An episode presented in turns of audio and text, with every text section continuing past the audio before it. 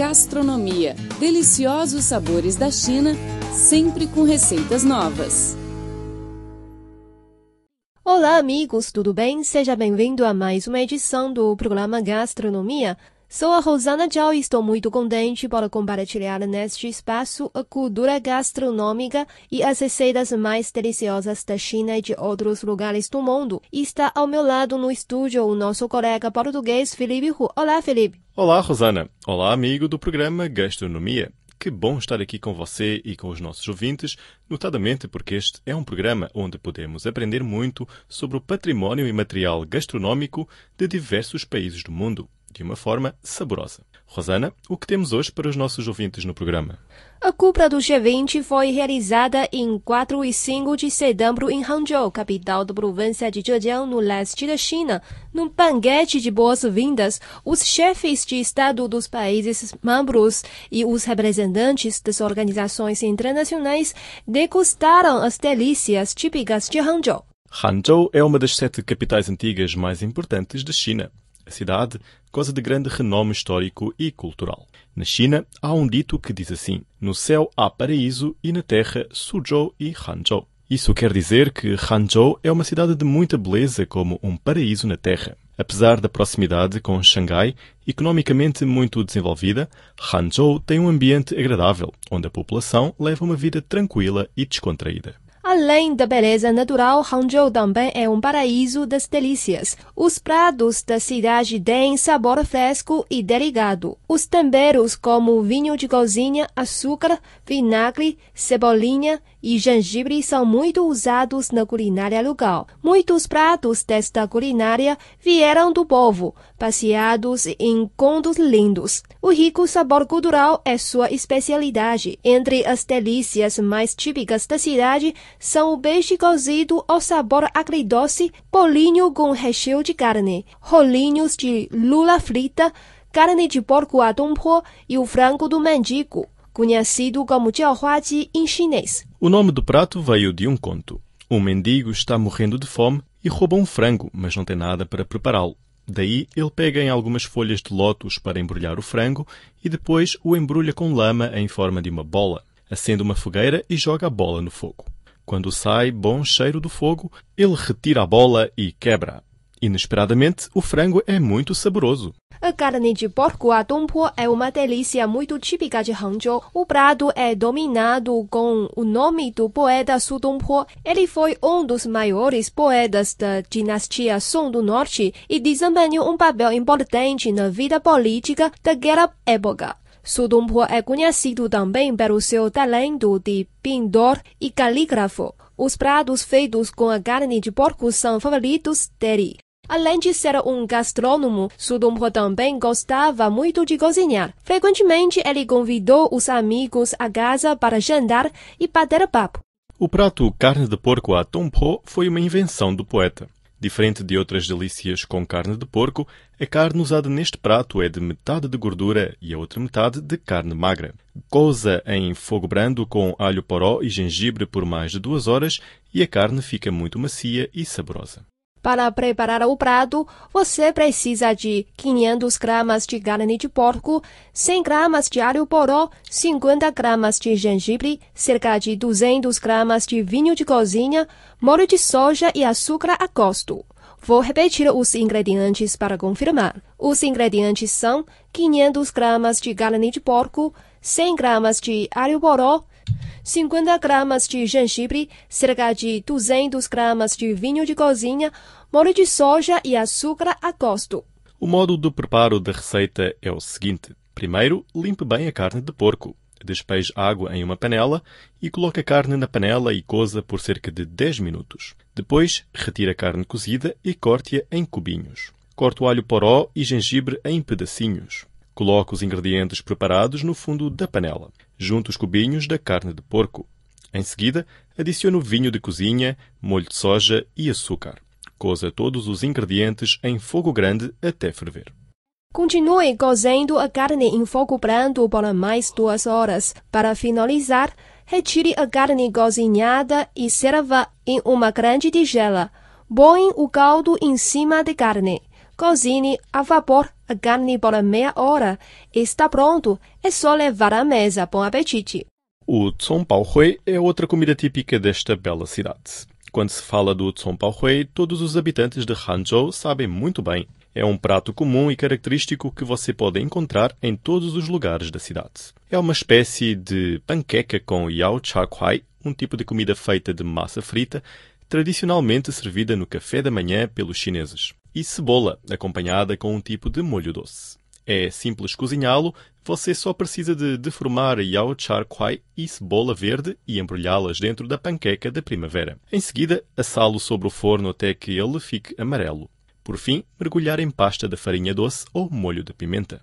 O prato é muito delicioso e sua história remonta à dinastia Song do Sul, quando o general Yue Fei foi aclamado como o herói nacional por sua coragem demonstrada na lutar contra os invasores do Sul. Qin Hui era o primeiro-ministro de então, que era um traidor conspirando com os invasores com quem ele estava de conivência. O traidor Qin Hui prendeu Yue Fei sem justificação e depois matou-o. Hangzhou era então a capital da dinastia Song do Sul. Devido a este episódio, as pessoas começaram a odiar Qin Hui de tal forma que eles criaram uma receita, o que chamaram Qin Hui frito. Aos poucos, este alimento se transformou em Bao Hui, que vemos agora. Depois de uma apresentação sobre as comidas típicas de Hangzhou, vamos ver os pratos no banquete de boas-vindas da cúpula do G20. O banquete foi oferecido pelo presidente chinês Xi Jinping no hotel Xitzi, onde o ex-líder Mao Zedong tinha jantado. É uma tarefa gigantesca preparar um banquete para os ilustres convidados. Os chefes têm que considerar várias restrições dietéticas dos líderes enquanto mostra a essência da cultura alimentar de Hangzhou. O cardápio do banquete foi inovador, mostrando a elegância do artesanato da cozinha chinesa. O primeiro que foi colocado na mesa era uma variedade de pratos frios destinados a abrir o apetite. Estas peças incluem o tofu assado, pepinos em conserva frescos e filetes de peixe fumado. Em seguida, foi servida para a mesa a sopa de cogumelos matsutake, uma delícia mais representativa da culinária de Hangzhou. O primeiro prato principal do banquete foi o peixe mandarim frito com pinhões, que tem um sabor doce e azedo. Para cozinhar o peixe, os chefes precisam de dominar as boas habilidades de corte e misturar bem os molhos, sendo um prato que você não pode deixar de provar quando visita a cidade de Hangzhou. O camarão frito ao chá longjing é outro prato que não pode faltar no cardápio do banquete. A delícia começou a ser popular nas famílias de Hangzhou nos anos 20 do século passado. Em 1956, foi incluído oficialmente na lista dos pratos renomados da cidade. O ex-presidente norte-americano Richard Nixon degustou o prato no banquete oficial oferecido pelo então premier chinês Zhou Enlai durante sua visita a China em 1972 e gostou bastante do sabor fresco desta delícia. A carne de porco a tompo também está no cardápio do banquete. Como já dizemos, o prato é muito típico em Hangzhou. Diferente de outras delícias com carne de porco, a carne usada neste prato é de metade de gordura e a outra metade de carne magra. Coza em fogo brando com o alho poró e gengibre por mais de duas horas. A carne fica muito macia e saborosa. Além dos pratos referidos, os hóspedes também degustaram no banquete as frutas de estação e sorvetes. O café e o chá foram servidos junto com doces chineses. Todos os utensílios usados no banquete oficiais durante a cimeira do G20 foram feitos de porcelana de melhor qualidade, decorada com elementos de design chinês.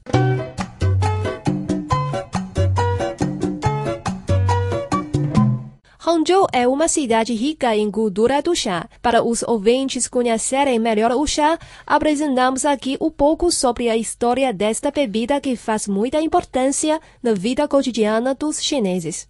O chá chinês originou-se nas áreas montanhosas centro-oeste da China.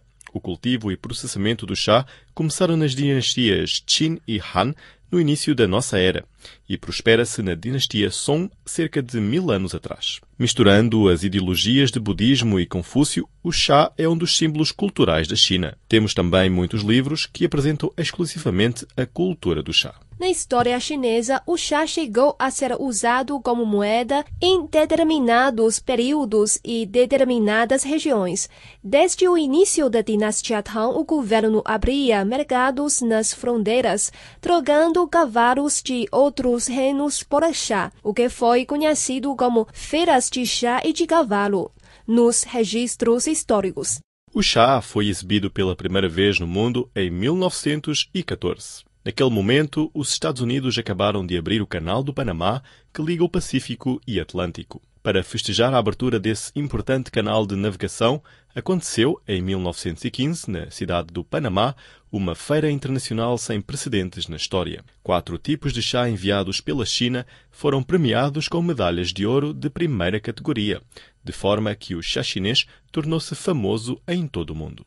Por vias terrestres e marítimas, o chá chinês também foi exportado para outros países, inicialmente para o Japão e a Coreia, em seguida para a Índia e os países da Ásia Central. Nas últimas dinastias Ming e Qing, no século XVII, entrou na Europa, onde deu origem ao hábito de tomar chá entre os nobres do velho continente. Pelo seu valor comercial, o chá contribuiu bastante para o intercâmbio entre a China e outros países. Depois de uma apresentação sobre a história do chá na China, vamos voltar ao assunto sobre Hangzhou.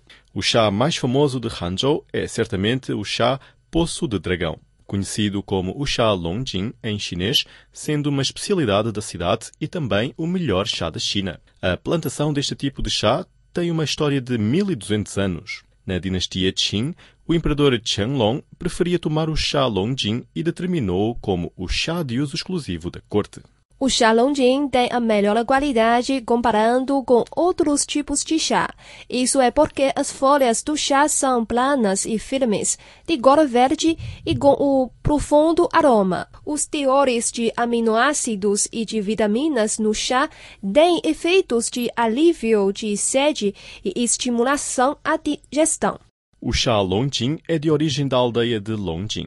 Em chinês, Long significa dragão e Jing tem um significado de poço em português. Tem também uma história interessante sobre o nome Poço de Dragão. Segundo a lenda, a aldeia de Longjing era conhecida originalmente como Longhong. Neste lugar havia um grande tanque com fonte de água inesgotável, mesmo nas épocas de seca. Os moradores locais acreditaram que esse tanque de água estava ligado com o rio Qiangtang e havia um dragão dentro do tanque. Portanto, começaram a chamar a aldeia como Poço de Dragão. Hangzhou, além de ser bela por a natureza, tem também entre suas atrações turísticas o Museu do Chá. O museu foi aberto ao público em 1991.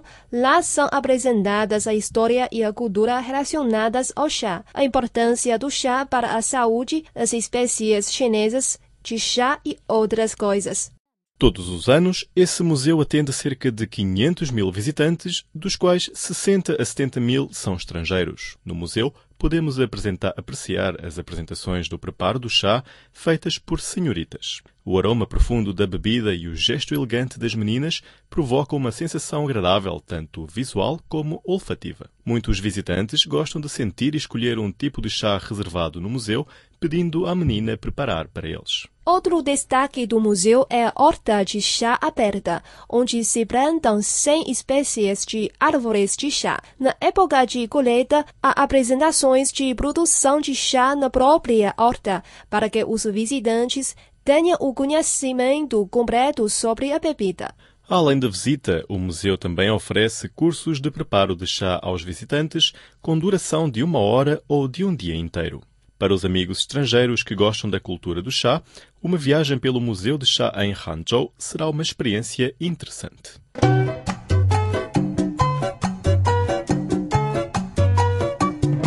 Bom, chegamos ao fim do programa. Eu sou Rosana Tchau. Muito obrigada pela sua companhia. E eu sou Felipe Hu. Obrigado também pelo carinho e pelo privilégio de sua audiência. Voltamos na próxima semana com mais informações interessantes sobre a cultura gastronómica chinesa e receitas deliciosas. Não perca! Abraços! Tchau, tchau! Aprenda pratos chineses e experimente sabores milenares. Todos os domingos, receitas feitas especialmente para você no programa Gastronomia.